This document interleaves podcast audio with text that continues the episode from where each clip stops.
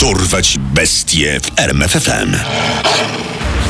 Imię i nazwisko. Leszek Pękalski, Pseudonim. wampir z Bytowa, Oskarżony o. popełnienie 17 morderstw. Skazany. Za zabójstwo tylko jednej ofiary na 25 lat pozbawienia wolności. Obecne miejsce przebywania. Zamknięty ośrodek w Gostyninie.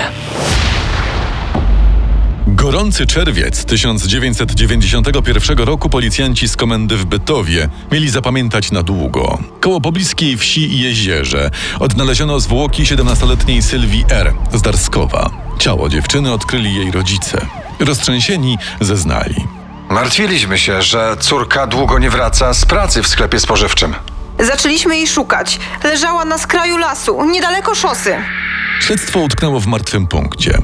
Tymczasem zaledwie tydzień po zabójstwie młodej sprzedawczyni w tej samej okolicy doszło do gwałtu na 40-letniej Bernadecie B. Kobieta szła polną drogą, gdy w pewnym momencie zorientowała się, że jakiś mężczyzna idzie jej śladem. To ją zdenerwowało. Odwróciła się i spytała, czego od niej chce. Mężczyzna odparł. Ja cię zamorduję. Następnie rzucił się na Bernadetę i brutalnie ją zgwałcił. Kobieta przeżyła atak i rozpoznała napastnika. Był nim 26-letni mieszkaniec sąsiedniej wsi, Leszek Pękalski.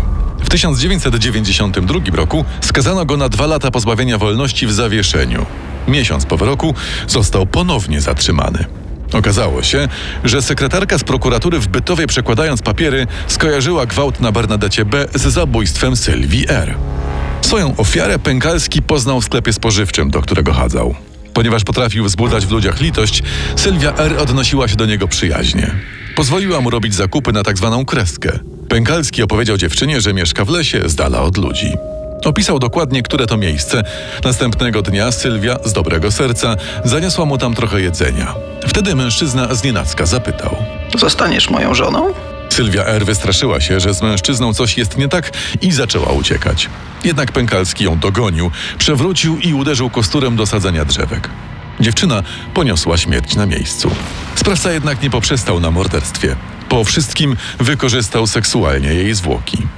Pękalski bardzo szybko przyznał się do tego morderstwa, a stopniowo na jaw zaczęły wychodzić także inne mroczne fakty dotyczące jego życiorysu. Leszek Pękalski urodził się w lutym 1966 roku w Osiekach koło Bytowa, PGR-owskiej wsi na Pomorzu, jako jedno z bliźniąt.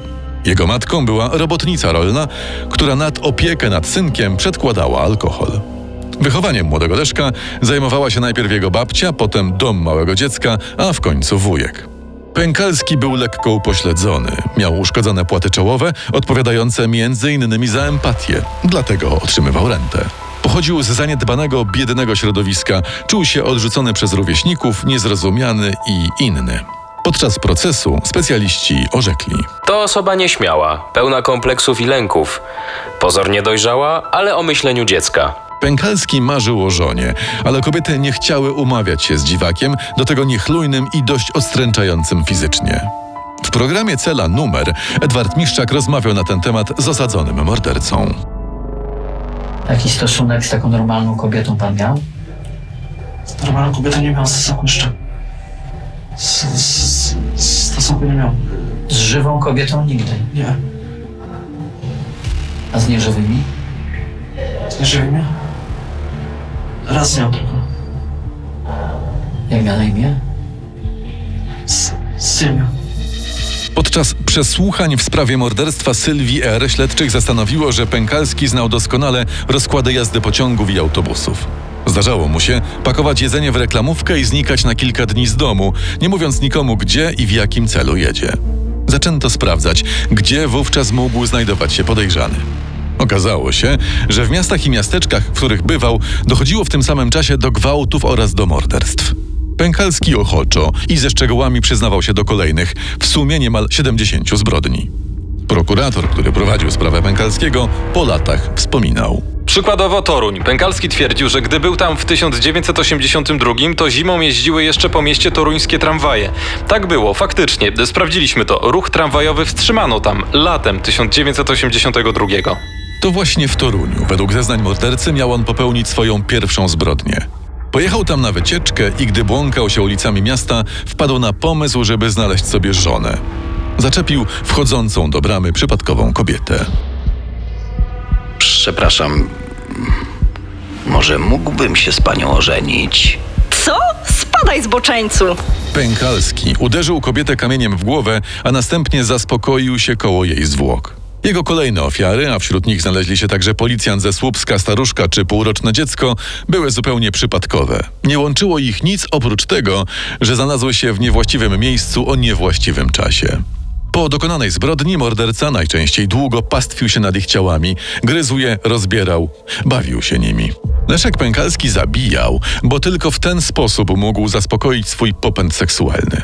Żywe kobiety wyśmiewały go i za nic nie chciały spełniać jego fantazji i zachcianek. Z martwymi mógł robić to, na co tylko miał ochotę. Być może nie stałby się seryjnym mordercą, gdyby w odpowiednim czasie szwagier spełnił jego wielką prośbę. Kupisz mi lalkę taką, wiesz, z seks shopu, dmuchaną. Odłożyłem na to pieniądze. Niestety szwagier przeznaczył pieniądze na inny cel. Niepowodzeniem zakończyły się także próby poznania kobiety za pośrednictwem biur matrymonialnych. Dostał odpowiedź bodajże tylko raz. Jak wspominał jego wujek, Leszek był szczęśliwy, gdy niósł ten list do pokoju, ale gdy go otworzył, wpadł w szał. Dziewczyna wyśmiała go, że, że jest upośledzony, że, żeby, żeby sobie dał spokój. zatem Pękalski musiał rozwiązywać swoje problemy w tragiczny dla wielu ofiar sposób. Śledztwo było prowadzone w sposób chaotyczny. Popełniono wiele błędów. Przykładowo, gdy wieziono podejrzanego na jedną z wizji lokalnych, które ten uwielbiał, nie ujawniono, co w tym przypadku było narzędziem zbrodni. Postanowiono sprawdzić, czy będzie to wiedział Pękalski, który przyznał się do morderstwa. Jednak ktoś otworzył przy podejrzanym bagażnik, w którym leżał młotek, narzędzie zbrodni. Wizja lokalna straciła zatem sens. Leszek Pękalski raz przyznawał się do winy, podając szczegóły, które mógł znać tylko morderca, a innym razem wycofywał się z zeznań. Mimo, że na przykład przyznał się do zbrodni na półrocznym dziecku z Białego Stoku, gdy więźniowie doradzili mu, że będzie miał przez to problemy w celi, odwołał zeznania. Podczas procesu początkowo był wystraszony, skulony w sobie. Bał się reakcji rodzin ofiar. Z czasem nabrał śmiałości i potrafił bezczelnie patrzeć na obecne na sali sądowej kobiety lub śmiać się z fragmentów zeznań. W końcu zapadł wyrok. Mimo, że Leszek Pękalski przyznał się do 67 zbrodni, a oskarżono go o 17 zabójstw, został skazany tylko za jedno morderstwo 17-letniej Sylwii R. Miał za nie trafić za kratki na 25 lat. Prokurator tłumaczył później. Biorąc pod uwagę upośledzenie oskarżonego oraz to, że skazano go tylko za jedno morderstwo, nie domagałem się dożywocia. Leszek Pękalski miał wyjść z więzienia w 2019 roku, jednak sąd w Słupsku skrócił mu wyrok o dwa lata. Pojawił się problem, jak kogoś, kogo nie dało się zresocjalizować przez wiele lat, wypuścić na wolność. Dyrektor aresztu w Starogardzie Gdańskim wykorzystał tzw. ustawę o bestiach i złożył wniosek o umieszczenie Pękalskiego w ośrodku odosobnienia, przeznaczonym dla szczególnie niebezpiecznych przestępców. Leszek Pękalski złożył apelację, jednak gdański sąd apelacyjny ją odrzucił.